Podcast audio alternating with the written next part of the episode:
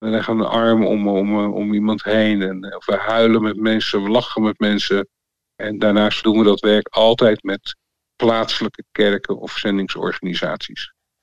En daarin is natuurlijk aanbidding en het spreken en het discipelen en bijbelstudiegroepen en kinderprogramma's en dak- en thuislozen en zigeuners. Er is zoveel werk te doen. De oogst is zo groot. En de arbeiders zijn er nog steeds heel weinig. De wereld rond. In deze podcast spreek ik, Gerard Adriaanse, met zendelingen over hun leven en werk, hun wel en wee en wat hen beweegt. Fijn dat je luistert. Zoals ik wel eens eerder gezegd heb, gebeuren ook in Nederland hele mooie dingen op het gebied van evangelisatie en het uitreiken naar onze naasten vanuit ons geloof in God. Ook dat hoort bij zending. En het wordt ook wel eens genoemd, zeker in het verleden, inbendige zending, wat dus eigenlijk betekent zending binnen Nederland. In deze aflevering hoor je zo'n verhaal wanneer ik spreek met Hans Leeflang, mijn gast van vandaag. Hans ken ik als een bewogen aanbiddingsleider en spreker die het verlangen heeft, onder andere door muziek, mensen dichter bij Gods hart te brengen. Hans is getrouwd met Rolinka en samen maken zij deel uit van stichting Closer to His Heart. Hans heeft de zendingsopleiding DTS of Discipelschap Trainingsschool en de aanbiddingsschool van Jeugd met een Opdracht gedaan en heeft die vervolgens ook geleid. En vanuit zijn betrokkenheid bij zending organiseert Hans ook reizen zo staan Hans en Rolinka momenteel op het punt Roemenië te bezoeken met een team. Inmiddels heb ik Hans aan de lijn vanuit Veenendaal. Fijn dat je de gast bent. Hi Gerard, goed om je te horen. Tijd geleden, maar het is altijd weer fijn om je te horen. Ja, ja we kennen elkaar uit een uh, ver verleden in een uh, gemeente in uh, Wanningsveen waar we elkaar ontmoeten. Maar het is inderdaad prettig om je weer eens aan de lijn te hebben na al die jaren. Nou, inderdaad. De tijd vliegt voorbij. Ja. Hoe maken Rolinka en jij het, Hans? Mm, nou, Rolinka en ik maken het eigenlijk wel goed. Ik zeg meestal, de meeste dingen gaan goed. En uh, we zitten op dit moment uh, nog even in een staartje van een griep. En dat kun je misschien nog wel horen aan mijn stem ook. Maar gelukkig gaat het alweer een stuk beter. We hebben een hele drukke periode achter de rug de afgelopen jaren... waarin we veel ver, verhuisd zijn naar diverse woningen. En uiteindelijk zijn we geland in Veenendaal en het ziet er naar uit dat we daar voorlopig wel zullen blijven. Ja. Ja, waar houden jullie je zoal mee bezig momenteel? Um, wij houden ons bezig op diverse vlakken. En ik moet wel zeggen dat ik heb in april 2014 heb ik een herseninfarct gehad. Waardoor ik uh, af, volledig ben afgekeurd. En um, dat heeft dan te maken met uh, de gevolgen van uh, de herseninfarct. Waardoor soms dingen niet goed binnenkomen of dat ook niet goed onder woorden te, dat ik dingen ook niet goed onder woorden kan brengen, zoals je nu ook uh, merkt. Um, maar ik hou me dus bezig als huisman en doe de boodschappen, het huishouden, houden, het koken. En daarnaast hebben we natuurlijk de activiteiten van de stichting Close to His Heart Ministries. En daar ben ik over het algemeen druk mee bezig. En ook het leiden van aanbidding en spreken of lesgeven op allerlei plekken in gemeentes en organisaties. En Rolinka die werkt, in de, die werkt ook mee, ook in de stichting. En, uh, maar die werkt ook in de gehandicaptenzorg, waar ze heel veel voldoening uithaalt. Maar is inmiddels ook wel bezig om ja, zich te oriënteren om iets anders te gaan doen. Wat, wat, uh, wat lichamelijk in ieder geval minder belastend voor haar is. Ja, ik ga met mijn uh, gast graag terug ook naar de jeugd. Om ook de persoon wat beter te leren kennen. Zeker ook voor de luisteraars die je niet kennen, Hans. Neem ons eens mee terug naar je jeugd. Ja, dat is een heel verhaal natuurlijk. Want ik, uh, ik, moet, op, ik moet zeggen dat ik ben opgegroeid in een heel warm en christelijk gezin. Um, een gezin van, met vijf kinderen, waarin ik uh, de enige zoon was. En dus ik heb twee jongere zussen en twee oudere zussen. En um, ja, we zijn opgegroeid in, een, uh, in Gouda, waar we deel waren van een Pinkstergemeente. En um, ja, dat was echt uh, een hele bijzondere tijd waarin er heel veel activiteiten waren en diensten en jeugdgroepen en evangelisatie ehm, en noem het allemaal maar op. En mijn ouders die kenden een enorme grote gastvrijheid. En uh, hadden heel vaak mensen over de vloer die gezellig bleven meeeten. En waarin altijd uh, hele mooie verhalen kwamen van ook zendelingen die kwamen of sprekers die kwamen. Die altijd uh, ja, spannende verhalen hadden over de ervaringen die ze hadden als sprekers of als zendelingen uit Brazilië, uit Libanon en noem het allemaal maar op. Ja, en daarnaast waren we natuurlijk ook heel druk met onze jeugdgroep, maar ook met een, uh, een aanbiddingsteam waar we in zaten. En ons leven bestond eigenlijk uit uh, naar de kerk toe gaan. Um, en een krantenwijkje lopen en wat, wat, baantjes hier en daar. Maar vaak zaten we toch wel een dag of ja, vijf, zes in de week in de kerk met activiteiten. Wow, ja. En ja, dat is best wel heel, heel mooi. Aan de ene kant heel druk geweest natuurlijk. En niet altijd leuk geweest. Uh, je bent tiener en je groeit op. En uh, dan is het toch heel vaak dat je wel ook wel wat andere interesses ontwikkelt. En, maar toch heeft het geloof altijd een, een, hele belangrijke, is een belangrijke stabiele factor geweest. Ja. Ja, ja. Ik, ik ken je vader ook nog wel. En je vader, Jan, hij was evangelist. Hè? Wat, wat is zijn invloed op jouw leven geweest, Hans? Ja, mijn vader die was een bevlogen uh, evangelist. En die, uh, ja, die heeft natuurlijk zijn stempel ook echt wel uh, op ons leven gezet. en uh, gewoon heel erg mooi.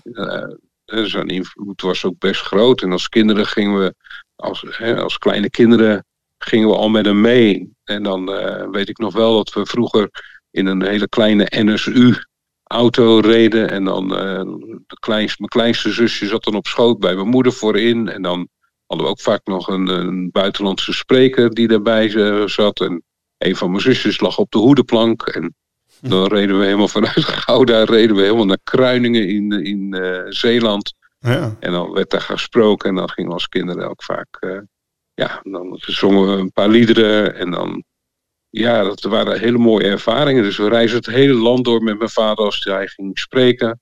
In de Randstad, maar ook helemaal uh, inderdaad naar Kruiningen en Utrecht, Haarlem, Amsterdam, Leiden. Ja, het hele land door. Uh, echt het hele land door, ja. ja. ja. En, en als je dan daaraan terugdenkt, wat, wat is dan de invloed op je leven geweest? Als je zo terugkijkt, wat, wat, wat blijft dan, wat komt dan boven, zeg maar? De enorme uh, passie voor het evangelie wat mijn vader ook droeg, uh, merk ik dat de, de liefde voor Jezus, die mijn ouders alle twee hadden. Mijn moeder was ook echt een aanbidder en een voorbidster. En we hadden ontzettende goede tijden ook in de auto, waar we altijd aan het zingen waren, altijd aan het bidden waren. En dat heeft een hele grote passie ook in mijn leven teweeggebracht. Dat de relatie die we met Jezus hadden, hadden we echt als gezin ook. Ja. Maar op een gegeven moment ook uh, gewoon in je persoonlijk leven dat je zo'n enorme liefde voor God met je meedraagt. En zo'n vertrouwen in God hebt, uh, al op hele jonge leeftijd. Is dat eigenlijk gewoon een proces geweest, Hans? Of, of is het iets waar je op een gegeven moment toch ook een bewuste keuze in gemaakt hebt? Ja, zeker wel. Je, wordt natuurlijk, je groeit er natuurlijk in op. Uh, en natuurlijk is dat een hele grote. Ja, je bouwt eigenlijk voort zeg maar, op het geloof van je ouders. Maar op een gegeven moment heb ik ook wel duidelijk ervaren dat ik zelf een persoonlijke beslissing voor Jezus moest maken. En ik weet dat ik uh, op zevenjarige leeftijd was ik op een zonderschool uh, bij uh, tante Ineke van Balen. waar ik als jongetje van zeven jaar mijn leven aan Jezus heb gegeven. Wow. En dat was heel oprecht en heel integer en echt vanuit liefde voor God uh, voor wat Jezus voor mij aan het kruis had gedaan. Natuurlijk uh, waren je toen nog niet de diepte ervan. Wist je nog niet de diepte van wat Jezus allemaal had gedaan. Um, maar dat is wel een hele bewuste keuze geweest. Ja. ja, en Jezus is ook nooit weggegaan uit je leven. Hij is nooit, geen dag, geen moment, geen seconde. Mooi Hans. Nee, hij is er altijd geweest, ja. Ja, je had het over je vader, maar ook jij komt op me over als een uh, gepassioneerd mens. Waar komt je bewogenheid voor mensen vandaan, Hans? Mijn passie um, voor mijn bewogenheid is voor mensen, is dat je eigenlijk ook weer vanuit mijn thuis natuurlijk. Uh, um, wij keken vroeger ook naar de televisie en ik weet nog dat de EO die had op een gegeven moment een programma over zendelingen die in Oeganda aan het werk waren. En die zendeling, ik weet niet meer wie dat was, maar dat was een zendeling die werkte in Oeganda. En die had een kinderthuis. En uh, die man die, die, die nam hele jonge gasten onder zijn hoede. Um, en die eigenlijk helemaal niets hadden, maar die leerden hun om te timmeren. Om een zaag vast te houden, om, om schroeven te draaien en dergelijke. Maar ik zag zijn passie voor de jongens en zijn liefde voor, voor de jongens. En uh, hij deed echt zijn uiterste best om de jongens een beroep te leren. En op de een of andere manier raakte het mij diep in mijn hart. Ik was 16 jaar toen. En um, dat ik echt, ik wilde maar één ding en ik wilde naar Oeganda. En ik wilde die, die zendeling gaan helpen. Want ik zat toen op school en deed precies ook de, opleiding voor Timmerman. En ik wilde eigenlijk uh, daar direct naartoe gaan om die meneer te helpen.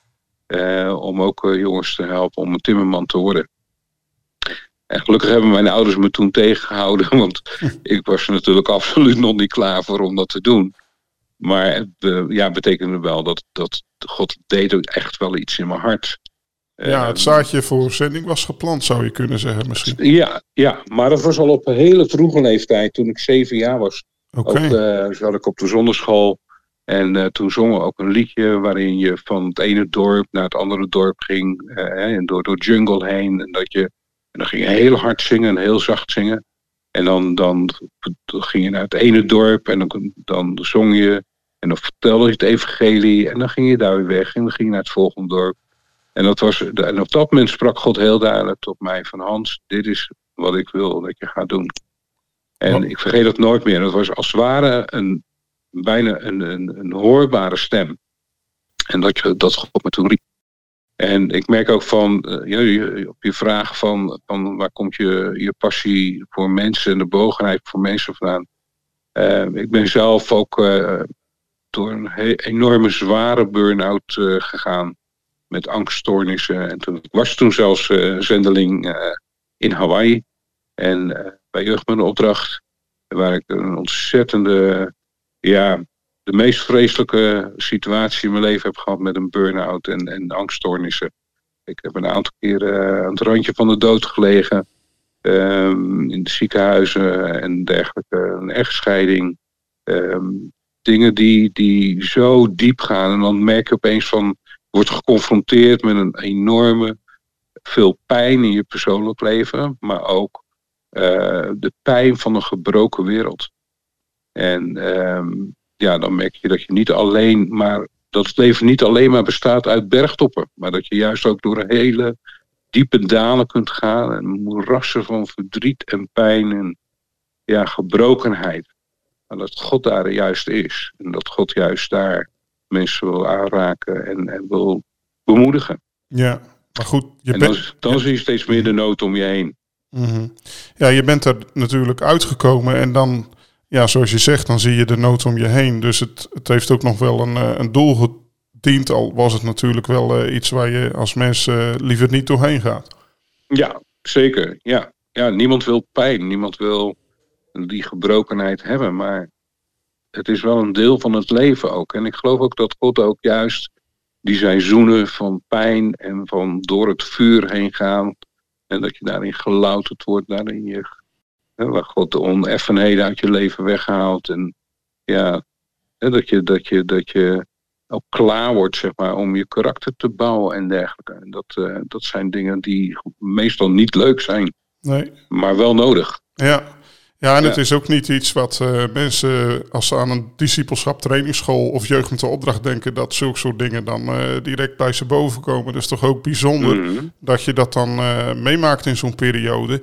Mm. Dus ja, dat, dat, dat zal je op die, dat moment ook wel vragen opgeroepen hebben bij je. En, oh ja, ja. ja. Maar goed, je bent er toch uiteindelijk dan doorheen gekomen. En, en God gebruikt je nu. En ja, zelfs in 2006 kwam je zover dat je Stichting Closer to His Heart, dus dichter naar zijn hart, uh, oprichtte. Precies. Ja, Hoe kwam je daartoe, Hans? Nou, ja, eigenlijk vanaf dat uh, het jongetje van zeven jaar die, die op de zonderschool eigenlijk uh, God hoorde roepen van dit is wat ik wil dat je gaat doen. En ik had toen nog geen notie van, van wat een aanbiddingsleider was of iemand die, hè, hoe doe je zendingswerk en hoe begeer daaraan. En, maar daar is het eigenlijk wel uit ontstaan dat ik altijd een diep verlangen had om de zending in te gaan, om een zendeling te worden en over Jezus te vertellen en mensen heel dicht bij het hart van God te brengen. Ja, en vandaar ook de naam. Ja, ik vind het altijd ook heel bijzonder, Hans, uh, hoe je ziet, want het komt wel vaker in deze podcast ook terug, dat zeg maar de mensen die ik dan uitnodig ook al Gods stem ervaren hebben op een jonge leeftijd. Ja. Zoals jij. Ja, ja. Ja, God die neemt kinderen heel serieus. En uh, daarom uh, ben ik ook een groot voorstander van kinderwerk en uh, zonderschoolwerk. Want dat zijn de plekken waar God zaakjes legt in het hart van kinderen. Mooi. En waar God heel duidelijk spreekt tot hele jonge kinderen. En waar God ook al verlangens in het hart legt die ja, gewoon eigenlijk helemaal niet menselijk zijn. Maar gewoon dat God zijn liefde en zijn de roeping. Hè, met, uh, hij heeft een plan voor ieder mens. En dat begint al heel jong. Ja. En, en God wil mensen daar ook al voor klaarmaken. En dat heeft hij bij mij gedaan, dat heeft hij bij heel veel mensen gedaan, al op hele jonge leeftijd. Ja. Ja. Ja, ik had het net over dus uh, die stichting die jullie hebben, Closer to His Heart. Hoe geven jullie vanuit jullie bediening van Closer to His Heart invulling aan de zendingsopdracht uit Matthäus 28 om mensen te leren Jezus te volgen in hun leven? Kun je daar iets over ja. vertellen? Ja, zeker. Ja, ik denk uh, Matthäus 28 is, uh, is een hele belangrijke tekst. Um, en het is eigenlijk een, uh, een tekst waarin God zegt van ga, verkondig het evangelie. En het belangrijkste woordje wat daarin staat is dat hij zegt ga. Het eerste woordje. En we lezen daar heel snel overheen. Maar het is niet zomaar een woordje. Het is een, het is een opdracht die God geeft. En dat is niet alleen voor zendelingen die dat fulltime doen. Maar dat is voor iedere gelovige, voor iedere discipel van God. Iedereen die heeft die opdracht van God gegeven van ga in de wereld, maak alle volken tot leerlingen van mij. En uh, dat is misschien wel het moeilijkste woordje ook in, in, in de hele tekst.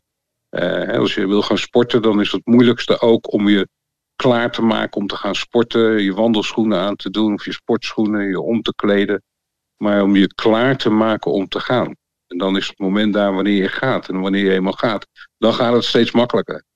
Maar um, ja, dat is iets wat, wat, uh, wat ik merk van dat we dat ook met Close to His Heart uh, doen. Dat we willen niet alleen thuis dingen doen, maar we willen erop uitgaan. En dat doen we ook om mensen discipelen van Jezus te maken om de grote opdracht te vervullen. En de Bijbel zegt heel duidelijk van Ga in de gehele wereld, eerst in Judea, Samaria en tot het einde van deze wereld.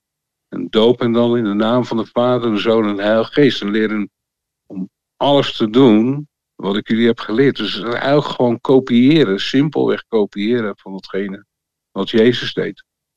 En uh, dat willen we dus ook met, uh, dat doen we ook met Close to His Heart. Uh, we gaan weg, we nemen mensen mee om dat ook te doen. Uh, in de praktijk te brengen. Vooral deze tekst ook Matthäus 28 van ga. En, en mensen geven liefde, mensen geven hun getuigenis, verkondigen het woord, evangeliseren. En ja, zo zijn we dan bezig om uh, mensen in de aanwezigheid van God te brengen. Ja. En deze reizen die zijn dan ook enerzijds bedoeld om uh, mensen te bereiken met het, uh, met het levende evangelie. En om liefde en hoop te geven aan de, aan de armen. En om zorg te dragen ook aan de weduwe en wezen. En daarnaast eh, delen we dan ook voedselpakketten uit. Uh, luisteren naar mensen hun verhalen. Spreken hoop in. En we leggen een arm om, om, om iemand heen. En we huilen met mensen, we lachen met mensen. En daarnaast werken we, doen we dat werk altijd met plaatselijke kerken of zendingsorganisaties. En uh, daarna, daarin is natuurlijk aanbidding en het spreken en het discipelen en bijbelstudiegroepen en kinderprogramma's en dak- en thuislozen en zigeuners. er is zoveel werk te doen. De oogst is zo groot. En de arbeiders zijn er nog steeds heel weinig. Ja, en, er kunnen nog meer mensen bij. Absoluut. Ja, absoluut. Hans, je hebt bij Jeugd met de Opdracht in Kona, Hawaii de DTS en de aanbiddingsopleiding gedaan. En die heb je ook geleid. Wat is iets wat je hebt meegenomen vanuit die ervaringen, wat je leven wezenlijk veranderd heeft? Ja, de ervaring dat je sowieso natuurlijk naar het buitenland toe gaat, alles achterlaat, je familie, je vrienden, je huis, je baan. En dat je tijd apart zet om een discipelschapstrainingsschool te doen. Ja, dat heb ik ervaren als een soort um, ja, snelkookpan. Waarin je eigenlijk zo'n zo'n drie maanden lang ondergedompeld wordt in Gods woord. En, en uh, met aanbidding, voorbeden, uh, onderwijs, het omgaan met andere culturen. Dat is ontzettend ja, verrijkend en, en, en verrassend ook. En nou, na die twee maanden dan ga je op een outreach naar het derde wereldland. Voor, voor mij was dat de Filipijnen en Okinawa in Japan. En dan ga je eigenlijk in praktijk brengen wat je daar die drie maanden hebt geleerd. En dat op zich al heeft een hele grote impact op je leven. En uh, binnen Jeugd met Opdracht zeggen ze ook wel eens van your life will never be the same. Of uh, spoiled for the ordinary. Ja, dat, dat je eigenlijk, eigenlijk dus ben je dan, uh, ja, dan, hoe zeggen we dat? Spoiled for the ordinary. Je kunt eigenlijk niet meer wennen aan het gewone Nederlandse leven, zeg maar. Ja. En dat, dat is inderdaad best wel een ding. Uh, dat je, ja, je maakt zoveel mee. En dan, dan, dan, ja, dan kom je terug in je eigen land. En dan, ja, dan valt het leven even stil, blijkbaar. En dat, um, ja, dat is uh, dus dan inderdaad in die zin, ja, je bent een beetje verwend geraakt, zeg maar. Ja. En dan, uh, dan ga je weer terug in de maatschappij. Ja. ja. En ja, daarnaast hebben we natuurlijk de school, de school of Worship gedaan, de school voor aanbidding. En uh, ja, dat is een, ook een drie maanden lange cursus uh, waarin je heel diep ingaat op dingen van aanbidding, het leiden van aanbidding, teams, dynamics. Uh, hoe ga je daar allemaal mee om? Hoe werkt dat allemaal? En daarna ga je er natuurlijk ook weer op outreach om het eigenlijk ook hetgene wat je geleerd hebt ook weer in de praktijk te brengen. Ja, en als je, als je nu zo terugdenkt, is er iets dat echt bij je is blijven hangen wat je leven veranderd heeft? Ik daar nog steeds dingen van terug die gewoon weer naar boven komen in, in je hart of in je gedachten of in je geest. Van, dat, oh ja, daar ging het om. Dat, dat zijn de dingen die, die God toen gesproken heeft, die, die je geleerd hebt, die je in de praktijk gebracht hebt. En, en dat merk ik wel van dat het een enorme verrijking is geweest om daarmee bezig te zijn. Niet alleen voor je persoonlijk, maar ook voor je bediening. En uh, ja, dat is een enorme rijkdom, een schatkist met openbaringen vanuit Gods woord. En, en de, de, belevenissen die je dan uh, samen met God hebt. En met al die andere mensen natuurlijk, is fantastisch. Ja, mooi. En zeker in deze tijd ook. Hè, de Bijbel ook, uh, je hebt die tekst in Johannes 4, vers 23, die zegt van, uh, maar de tijd is nu dat de ware aanbidders de, de Vader zullen aanbidden, geest en in waarheid. En dat de Vader die zoekt zulke aanbidders. God is op zoek naar mensen die echt een volledige overgave hebben om Hem te aanbidden. En uh, alles te geven, uh, al je kracht, alles wat in je is, dat je daarmee de Heer dient. Ja. En ja, dat is nog steeds een, een enorme kracht in mijn leven ook. Ja, ja mooi. Kun je ook iets vertellen over hoe Rolinka en jij elkaar hebben leren kennen? Ja, Rolinka en ik hebben elkaar uh, leren kennen in een uh, aanbiddingsteam waar we toen uh, dienden. En ehm, ja, dat is alweer heel wat jaartjes terug inmiddels. Ehm, maar ja, samen alle twee een passie voor aanbidding en mensen in Gods aanwezigheid leiden. En ehm, dus dat was in een aanbiddingsteam inderdaad. Ja, en jullie passen dan ook uh, goed bij elkaar in die zin, hè? Ja, ja, absoluut. Ja, dat is uh, echt een blessing. Dat je gewoon alle twee eenzelfde passie hebt uh, hè, om mensen gewoon in de aanwezigheid van God te brengen. Ja. ja. Ja, over die aanbidding. Al eeuwenlang worden in de kerken psalmen en gezangen gezongen. Eh, waarom is God prijzen en aanbidden zo belangrijk voor ons als mens? Wat kun je daar als aanbiddingsleider met ons over delen? Hmm. Ja, wat er dan als eerste bij mij boven komt, zeg maar, is dat, ehm, dat we als christenen echt moeten leren om God te aanbidden zoals Hij dat we graag wil.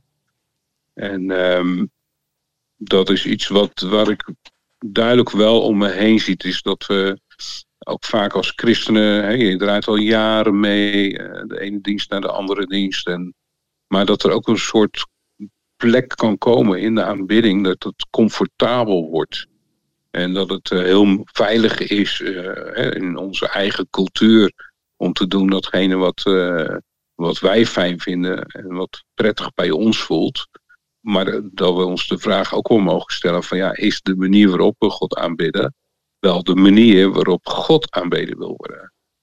En soms dan denk ik wel eens dat we het verzanden in, een, in onze eigen veilige cultuur, onze eigen veilige omgeving.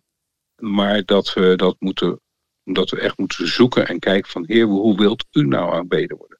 Hoe kunnen we u groot maken? En ik denk dat God daar best wel tools voor heeft gegeven. En dat we, dat we God echt moeten aanbidden op zijn manier. En op in de manier waarop hij het wil in zijn koninkrijk. Want we zijn een deel van hem. Deel van dat koninkrijk. Als je dan kijkt naar, uh, naar het leven van David. Hij is voor mij altijd een enorm groot voorbeeld. Uh, als echt een, uh, een, man die het echt niet allemaal perfect had in zijn leven. Buiten dat zelfs absoluut niet. Gewoon was een moordenaar, er was incest in zijn gezin. Er waren allemaal uh, hele vervelende dingen. Ze plegen overspel, noem het allemaal maar op.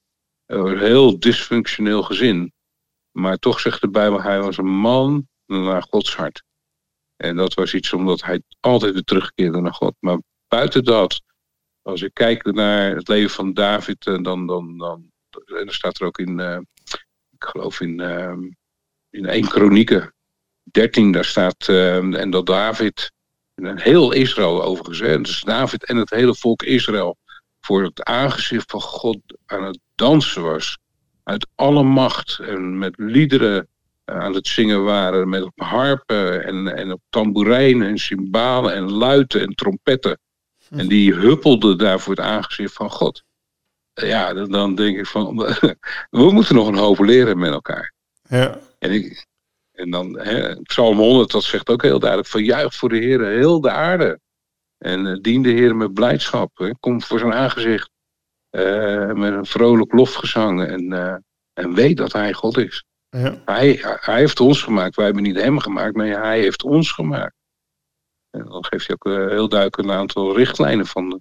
Er zijn poorten in mogen gaan met een lofoffer. Zijn voorhoven met een lofgezang. En zijn naam mogen prijzen.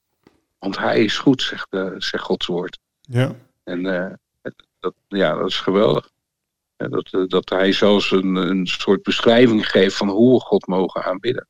En zo kom je natuurlijk ook dichter bij Gods hart. En wat de Bijbel Zeker. ook zegt is van na, nader tot God en hij zal tot u naderen. Hè? Ja, absoluut. Ja.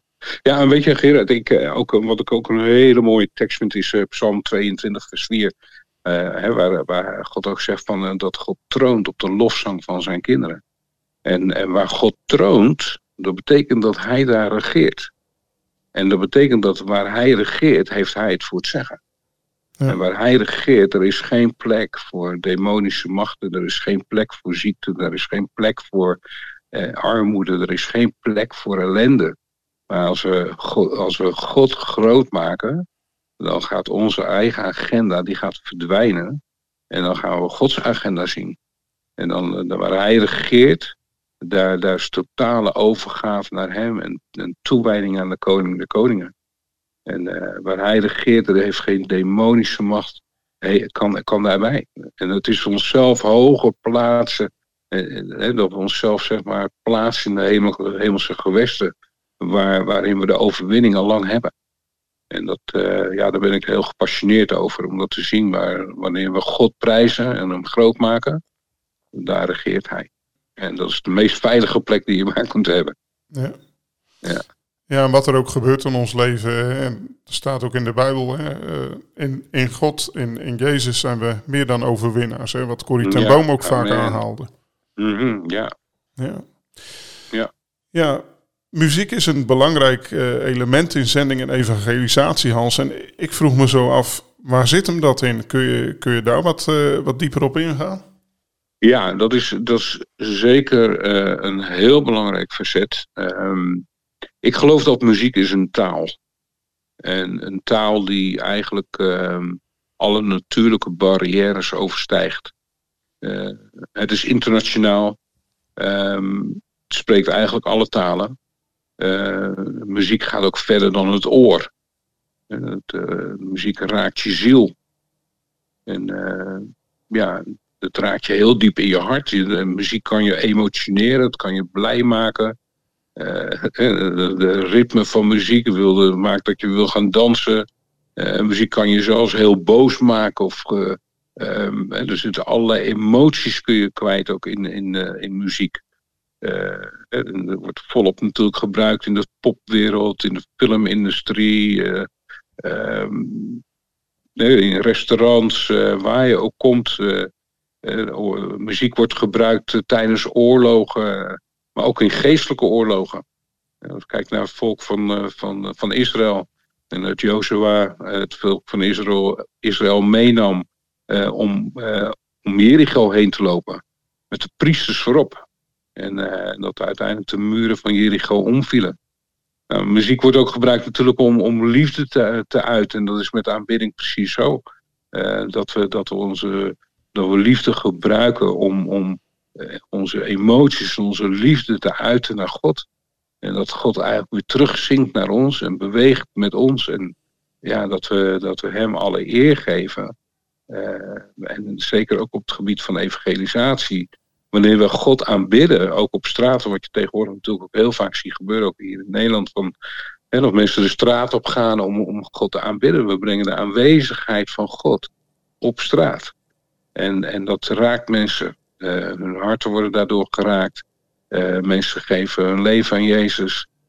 Uh, dus er gebeurt van alles. Dus qua evangelisatie, het breekt demonische machten. het zet dingen vrij. het brengt genezing. dat gaat heel erg diep. Dus aanbidding is absoluut, een lofprijzing en aanbidding zijn enorme belangrijke wapens, ook juist in de geestelijke oorlogsvoering. Ja. En zeker dus ook heel belangrijk binnen een zending. En je hebt ook zelf ook voor veel mensen opgetreden en gezongen. Uh, heb je ook een uh, concreet voorbeeld dat je zag dat uh, muziek mensen ook echt dichter bij God bracht? Ja, talloze voorbeelden eigenlijk. En ja, weet je, ik, wat ik altijd belangrijk vind is om, om niet alleen liedjes te zingen, maar om naar de ja, echt proberen om, aan, om als aanbiddingsleider te zoeken om mensen mee te nemen in Gods aanwezigheid. En naar de zalving te kijken. Uh, liedjes zingen, dat kan iedereen. maar aanbidding is iets dat gaat dieper. Dat gaat verder. En ik vergeet nooit dat wanneer je, dat ik een, aanbiddingstijd had, bijvoorbeeld waarin je merkt van dat de mensen ook zo hongerig zijn om in de aanwezigheid van God te komen. En er was geloof, er was verwachting. Uh, dat als mensen komen, dat het niet alleen verwachtingen hebben voor de preek of voor uh, wat er verder in de dienst gebeurt, maar dat juist met verwachting en geloof komt juist ook in die aanbidding dat God daar is. Dat we God aan ontmoeten. En, en weet je, muziek is iets wat, wat het, communiceert van hart tot hart. En het communiceert van geest tot geest. En, uh, en dat zijn tijden waar mensen ontzettend diep uh, worden aangeraakt. Uh, ik heb aan, aanbiddingstijden meegemaakt waarin de aanwezigheid van God zo duidelijk aanwezig was. En, en dat er spontane genezingen plaatsvonden. Uh, gewoon spontaan tijdens de aanbidding. Uh, dat mensen vervuld werden met, uh, met de Heilige Geest en in nieuwe tongen beginnen te spreken. Uh, en dat, dat, ja, dat er iets gebeurt wanneer God zijn troon bouwt. Dat dat soort dingen allemaal mogelijk zijn. Wat en bijzonder. Ik, ja. ja. En een van de dingen die, die, die ik ervaar, uh, heb ervaren was van een tijd die ik nooit zal vergeten. Dat, uh, dat was ook in, in Kona, Hawaii, op de, bij Jeugd met een Opdracht. Dat ik was gevraagd om naar de aanbidding te leiden. Ik stond daar met mijn gitaartje, maar de mensen kwamen echt met zoveel geloof, met zoveel verwachting. En, en stormden die zaal binnen en er stonden vlak voor mijn neus. En we zijn gewoon gaan aanbidden. En, uh, en, de, de, de ruimte die vulde zich echt met de aanwezigheid van God. Het was een soort alsof er een elektrische lading in de lucht hing. Het, alsof de muren en, en de vloer aan het trillen was. Uh, en je bent gewoon aan het zingen, je bent aan het aanbidden met, met zoveel passie. En het leek wel alsof er een mist in de ruimte hing. Van, en mensen begonnen opeens. Uh, God, Gods aanwezigheid was, aanwezigheid was op een gegeven moment zo sterk dat mensen die knielden en mensen vielen op de grond. Uh, dove oren die, die, die, die, die gingen open. Mensen begonnen te huilen. Uh, er was een overgave en mensen wilden meer van God. En er was op een gegeven moment was er een, een, een, Canadees tienermeisje. En die, die was God aan het aanbidden. En, en die sprak opeens, begon ze te huilen. En, en, en de, de geest van God kwam over haar heen. En uh, die begon in nieuwe tongen te zingen. En er waren heel veel Koreanen toen ook aanwezig in die, uh, in die klas. En al die Koreanen die begonnen opeens te schreeuwen van ze spreekt Koreaans, ze spreekt Koreaans. Wauw. en, en al die Koreanen die begonnen, begonnen God te loven en te prijzen en te springen en te dansen en te huilen. En, en nou, het was ongelooflijk. Als ik daar aan terugdenk, dan loopt kippenvel over mijn lijf. En dan denk ik van wauw. Ja. Man, dat is, dat is wat ik wil. ik wil dat, dat is wat ik verlang. Dat de aanwezigheid van God zo sterk in ons midden is. Dat dat soort dingen gebeuren. Ja. En dat mensen... Hè, spontane genezingen. Dat er, werd voor niemand gebeden. God ja. was daar gewoon mensen... Uh, gewoon in zijn soevereiniteit mensen aan het aanraken. Ja, geweldig. Ja, ja, en ja dat vergeet je nooit meer. Nee.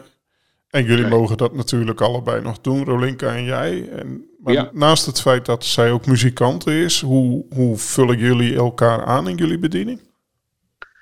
Um, nou, heel vaak is het zo dat, uh, dat uh, ik word dan gevraagd om ergens aanbidding te leiden. En Rolinka die, die is altijd een heel supportive. En als zolang zij kan uh, en als, zij, als de agenda, haar agenda ook past, dan gaat ze meestal mee. En uh, ze is een enorme fijne aanbidster en uh, pianist. En uh, die dan ook echt heel goed ondersteunt wanneer ik aanbidding leid. maar daar, daarnaast heeft ze ook een heel sterk gehoor en weet precies wanneer ik dingen moet verbeteren of accenten anders moet leggen en dergelijke. Dus ze vult daarin echt heel goed aan. Maar als we eenmaal samen spelen, dan, dan laten we alle twee, allebei de, de Heilige Geest echt zoveel mogelijk door ons heen spelen. En uh, ja, soms dan heeft Rolinka ook, dan speelt ze iets hè, wat ze nog nooit van tevoren gespeeld heeft. Maar er ligt zo'n sterke zalving op. En ja, dat raakt mensen. En dan zitten mensen ook van, oh, weet je wel, gewoon de aanwezigheid van God. Ja. Die dan door haar heen stroomt.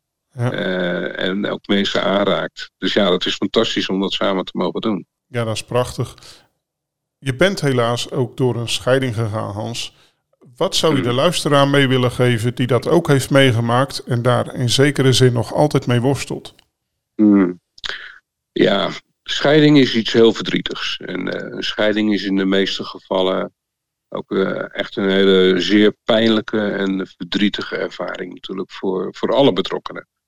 En het raakt niet alleen de partners die uit elkaar gaan natuurlijk, maar ook de kinderen, kleinkinderen, familie, vrienden, kerk, collega's, bedieningen, andere gelovigen. Hè, dus dat is gewoon zeer pijnlijk. Maar iedere situatie is weer anders natuurlijk en staat volledig op zichzelf. En je kunt pijn nooit met pijn vergelijken. En uh, ja, de gevolgen van een scheiding uh, kun je van tevoren nooit overzien. Maar het gebeurt wel. En, uh, en dat is een heel moeilijk, moeilijk gebeuren. En we leven natuurlijk in een hele gebroken wereld. En daar is echtscheiding helaas ook een onderdeel van. En uh, als jij, als je dit luistert, uh, door een scheiding heen gaat of gescheiden bent, dan wil ik je echt bemoedigen dat God weet overal van. En dat Hij kent alle details van je hart, van de situatie. Maar Hij houdt nog steeds heel, heel, heel erg veel van jou. En juist in die diepe, diepste dalen, en dat, dat, zul je vaak zien, en dat is vaak achteraf dat je zult zien dat hij juist dan jou gedragen heeft. hij huilt met je mee. En zijn hart huilt over de gebrokenheid die er is. En de, veroordeling van christenen, maar ook de veroordeling die misschien in je eigen hart is. Is dodelijk, is killing, is gewoon zo vernietigend. En, ehm, en ik weet het, ik heb het ervaren. En, maar ook dat Jezus de schaamte en de veroordeling op het kruis heeft genomen en die gedragen heeft. En dat, dat, dat, dat Jezus zei van je bent vrij. Je bent vrijgekocht, ik heb het betaald. En dat is niet een goedkope opmerking, maar het heeft Jezus echt alles gekost om jou te vergeven en te reinigen. En je kunt altijd terugkomen bij Jezus. En hij houdt intens veel van je. En ja, ik moet echt denken ook aan, aan, aan, aan dat schilderij van, uh, van Rembrandt uh, van Rijn. wat hij geschilderd heeft over een verloren zoon, dat hij weer thuis komt.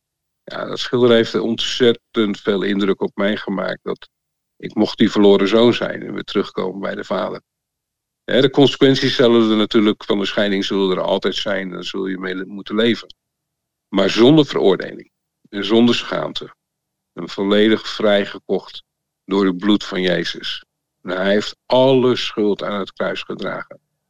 En daar wil ik je echt mee bemoedigen. Ga weer leven. Kom dichter bij het hart van God. En dat is precies waar onze ministerie ook over gaat. Closer to his heart. Ja, mooi Hans. Ja. Hoe kan iemand die geen muzikaal talent heeft God aanbidden naast het zingen van liederen die God verheerlijken natuurlijk, maar zijn er ook hmm. andere manieren? Ja, de Bijbel die is heel duidelijk, die uh, zegt uh, gewoon heel duidelijk van alles wat adem heeft, loof de Heer. En um, ook als je geen muzikaal talent hebt of je kunt zelfs niet zingen, je hebt nog steeds wel adem. En de Bijbel die zegt van alles wat adem heeft, looft de Heer. Nou, daar hoor je bij. En daar hoort iedereen bij. Iedereen die, nog leeft, die nog adem haalt, hoort daarbij. En um, zelfs de schepping, de, de dieren, de, de, de bomen, alles wat adem heeft, looft de Heer. En dat zien we in de schepping ook terug. Dus als je adem hebt, loof de Heer. Zo simpel is het. En, uh, en, we moeten realiseren dat God ook een, een God is die, die vocaal is, die spreekt. En uh, de meeste mensen van de, die kunnen ook spreken. En, en, dat God ook de, de, de vrucht van onze lippen wil ontvangen. En je gedachten wil ontvangen. En dat is ook aanbidding. Aanbidding is niet alleen het zingen van liedjes. Maar het is juist ook de woorden die je uitspreekt. En dat je je hart laat spreken tot God. En daarnaast zegt Jacobus uh, eh, 1, vers 27, die zegt ook van uh, de zuivere onbevlekte godsdienst, wat eigenlijk aanbidding is. En de, de, zuivere onbevlekte aanbidding voor God is het zorgdragen voor weduwe en wezen en de verdrukte. En, uh, en dat, dat, je, ja, dat we daarna mogen omkijken, maar dat dat ook zelfs als aanbidding gezien wordt. En dit is wat, wat bij God op zijn hart is: het, de ware aanbidding, de onbevlekte godsdienst, is het omzien naar weduwe en wezen en de armen. En dus eh, je kunt het praktisch maken, uh, maar je kunt het ook met je mond doen en God gewoon aanbidden. Kunnen onze handen omhoog steken, we kunnen dansen, we kunnen springen en, en uh, roepen en, en, en ja, kreten van blijdschap geven naar God en hem danken voor wie hij is. En dat is ook aanbidding. Dus het is niet alleen muzikaal. Nee, nee, nee gelukkig niet. Hè? Nee. nee. Alhoewel muziek is natuurlijk uh, op zich wel heel mooi. Ja. Ja. Maar, als je het niet kan, is er toch een andere manier, zoals je aangaf, om uh, God te aanbidden. Ja, absoluut. Jullie werken onder andere in Roemenië. Zelf was ik daar begin 1991, een jaar na de mhm. val van dictator Nicolae Ceausescu. Eh. Het was een arm land waar het aan veel basisbehoeften ontbrak. Hoe is de situatie daar nu, Hans? Ja, ja dat was natuurlijk een uh, enorme schrijnende situatie, uh, zoals het toen was in 1990. Eh, ehm, ja, de, de, de, wat, wat je nu nog wel duidelijk ziet is dat er is een heel groot verschil tussen uh, rijke mensen en arme mensen. Um, je ziet er echt wel hele dure auto's en veel auto's ook rondrijden. Er zijn ontzettend grote winkelcentra's waarvan alles en nog wat te koop is. dure auto's, uh, sieraden, kleding. Je kunt ze gek niet noemen. Het is allemaal te koop. Maar aan de andere kant is er ook wel enorme armoede. En vooral uh, onder de Roma-bevolking. De zigeuners. die worden heel vaak geweerd uit de grote steden. die mogen ook de winkelcentra niet inkomen. die worden er echt uitgeschopt. En als je dan naar de Roma-mensen gaat, ja, die, die leven dan echt in, in hele schamele bouwvalletjes of hutjes. En als je, ja, dan vaak of ze hebben een stuk plastic op, gewoon te koude grond. Uh, en misschien wat uh, een vloerbedekking uh, eroverheen gegooid, toch? Hè, om de, de kou iets tegen te houden. Um, ja, dan worden de muren zijn dan opgebouwd van wat golfplaten of van, van wat triplex of zo.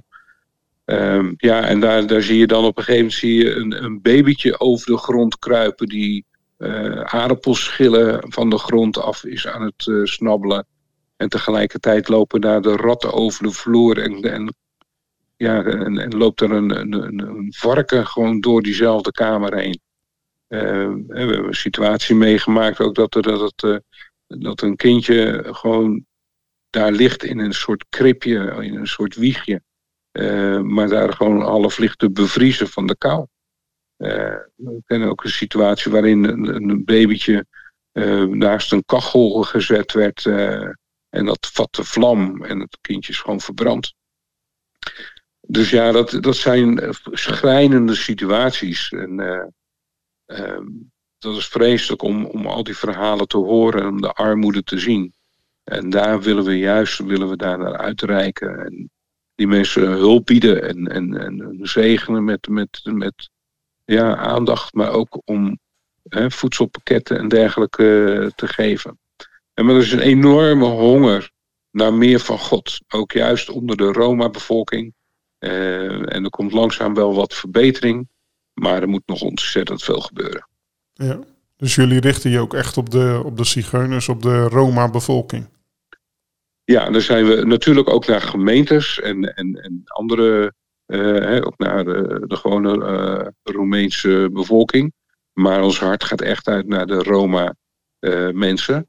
en ja, er is echt heel veel behoefte aan, aan gewoon een stuk aandacht, liefde. Deze Roma's zijn net zo eigenlijk als Joden enorm verstoten over de hele wereld. Ja. het is echt een, een volk wat rondreist en, en van de ene plek naar de andere plek, gewoon omdat ze verstoten worden.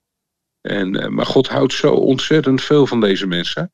En uh, hij is voor hen ook gestorven. En, mm. en uh, er is ook een hoopvolle toekomst voor hun. Ja. En, en dat is wat we, wat we hun ook willen meedelen. En het is echt, ik kan echt zeggen, we zijn ook, uh, ja, we komen heel regelmatig komen in, in Roma kerkjes. En dat is echt familie geworden. Dat zijn echt vrienden geworden. we, houden, we houden oprecht van deze mensen. Ja. En uh, ja, dat is wederzijds. Weet je wel, het, het is gewoon, ja, het is zo'n mooi werk om te doen ook. En ja. wat gaan jullie precies doen uh, nu deze reis in uh, Roemenië? Deze reis ehm, gaan we voor het eerst mensen ook. we gaan met een heel team. En de meeste mensen van dit team hebben, zijn we eigenlijk nog nooit een zendingsreis gedaan. Um, hebben zelfs nog nooit gevlogen. dus het wordt echt wel heel erg spannend voor ze. Eh, we gaan voedsel, heel veel voedselpakketten uitdelen. Ehm, we gaan ehm, eh, hotdogs uitdelen op straat om mensen even een warm hapje te geven. Eh, er worden aardappelen worden gegeven naast de voedselpakketten. maar we gaan ook bijbelstudies geven. We gaan voor Roma's gaan we ook bidden. We gaan het evangelie verkondigen. we gaan sommige plekken training geven. En gewoon een stuk liefde, aandacht, kleding kijken of we opleidingen kunnen regelen voor, voor kinderen. Uh, en dat soort dingen meer. Dus dat gaan we op dit moment uh, vooral doen in uh, Roemenië. Ja. Ja. En dat dan altijd weer in samenwerking met plaatselijke organisaties. Ja, belangrijk. Ja. ja. Wat denk je Hans? Is er behoefte aan mensen die zich inzetten als onderdeel van een aanbiddingsteam in kerk of gemeente? En wat zou je willen zeggen tegen de luisteraar die er al enige tijd over twijfelt of dat wat voor hem of haar is? Die dan ook al waarschijnlijk een muziekinstrument speelt of, of zingt? Ja, Ja, absoluut. Ik denk dat er enorm veel behoefte is juist aan uh, mensen die uh, willen dienen in heel veel gemeentes.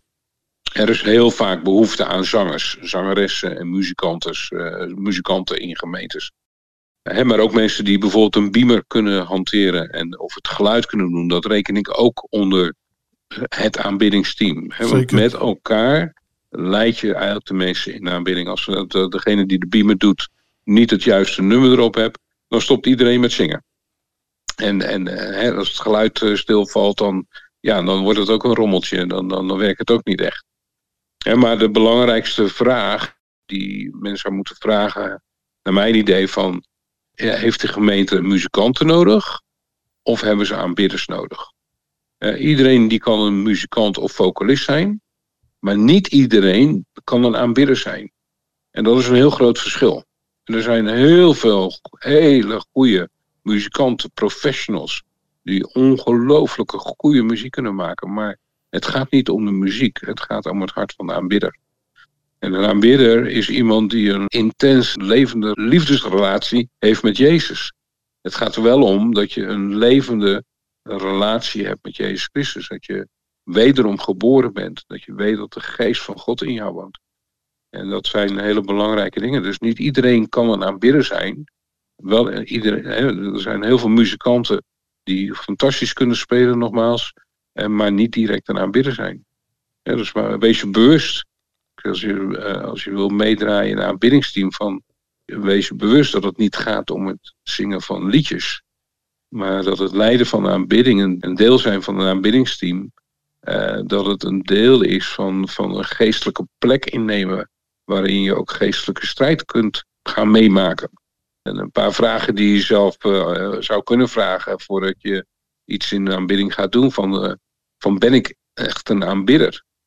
En sta, sta ik rein voor God? En dan ben ik apart gezet voor God? Heb ik een levende en een actieve relatie met God? Of ben, ik, ben ik uit op een positie? Dat kan ook, hè? Dat mensen gewoon het leuk vinden om ergens te staan en daar ja, ook misschien zelfs een, soort uh, trots op zijn. Hè? Maar kijk, ik, heb, uh, ik ben in het aanbiddingsteam, weet je wel. Maar het gaat niet om jouw positie, het gaat om Gods positie. En uh, ben je bereid om je tijd en je energie en je gaven, je talenten, je financiën te offeren voor die plek? Heb je een, een houding van dienstbaarheid? Heb je een houding van de ander uitnemender achter dan jezelf? Kun je onder leiderschap staan? He, zomaar even een paar vragen die je zelf zou kunnen vragen voordat je eh, bezig zou, uh, zou gaan met, met het leiden van de aanbidding. Ja. Nou, nou, dat is heel duidelijk en uh, uitgebreid ook, maar zeker ook belangrijk antwoord wat je daar geeft, Hans. Ja. Neem ik jullie ja. op jullie reizen ook aanbiddingsteams mee? Wij nemen inderdaad de mensen mee um, en we bidden daar altijd van tevoren wel voor. Er is altijd een aanmelding. Um, en dan gaan we er altijd voor bidden van, oké, hier is het in de juiste tijd. Moet de persoon met deze reis mee of misschien met een andere reis of misschien ook helemaal niet. Maar zeker, we nemen zeker mensen mee. En uh, ja, het is altijd weer een voorrecht om mensen mee te mogen nemen. En uh, ook een ervaring mogen geven hè, door, uh, door uit te reiken. En ja, en het, is, het zijn altijd hele korte reizen, vaak ja, van, van een week of misschien tien dagen of zo. Maar het is zo verrijkend en zo, zo krachtig om te doen. Dus ja, als uh, mensen uh, nieuwsgierig zijn of dit heel graag een keer zouden willen doen, dan uh, kan dat zeker. En dan natuurlijk betaalt iedereen zijn eigen kosten voor een reis. Maar het, als God daar een plan voor heeft, dan komt dat zeker goed in de meeste gevallen. Ja. Ja, afsluitend Hans. Hoe, kunnen luisteraars van jullie leven en werk op de hoogte blijven en desgewenst betrokken raken bij Stichting Closer to His Heart? Nou, we zijn heel blij dat we een, eh, een hele mooie website hebben. Het adres is uh. Die website is zowel in het Nederlands als in het Engels. En daar staan al onze verhalen op. We sturen niet heel veel nieuwsbrieven. Maar mocht je speciale vragen hebben of uh, ja, geïnteresseerd zijn in een zendingsreis om een keer mee te gaan, dan kun je eh, ons altijd bereiken onder het e-mailadres info. En daar kun je al je vragen stellen. En, nou ja, daarnaast zijn we natuurlijk afhankelijk van, van donateurs. Ehm, die ons financieel ondersteunen. En dat kan door een eenmalige gift over te maken. Maar we zijn natuurlijk ook hard op zoek naar echt partners die met ons mee willen bouwen aan deze bediening en uh, ons maandelijks willen ondersteunen. En dat kan dan uh, via de IRG-bank van Closer Tours Heart Ministries. Maar alle gegevens daarover kunt u uh, vinden op de website. Dit keer in de wereld rond had ik het genoegen Hans Leeflang te spreken over zijn passie voor het aanbidden van God en mensen te helpen God te leren kennen als hun hemelse Vader.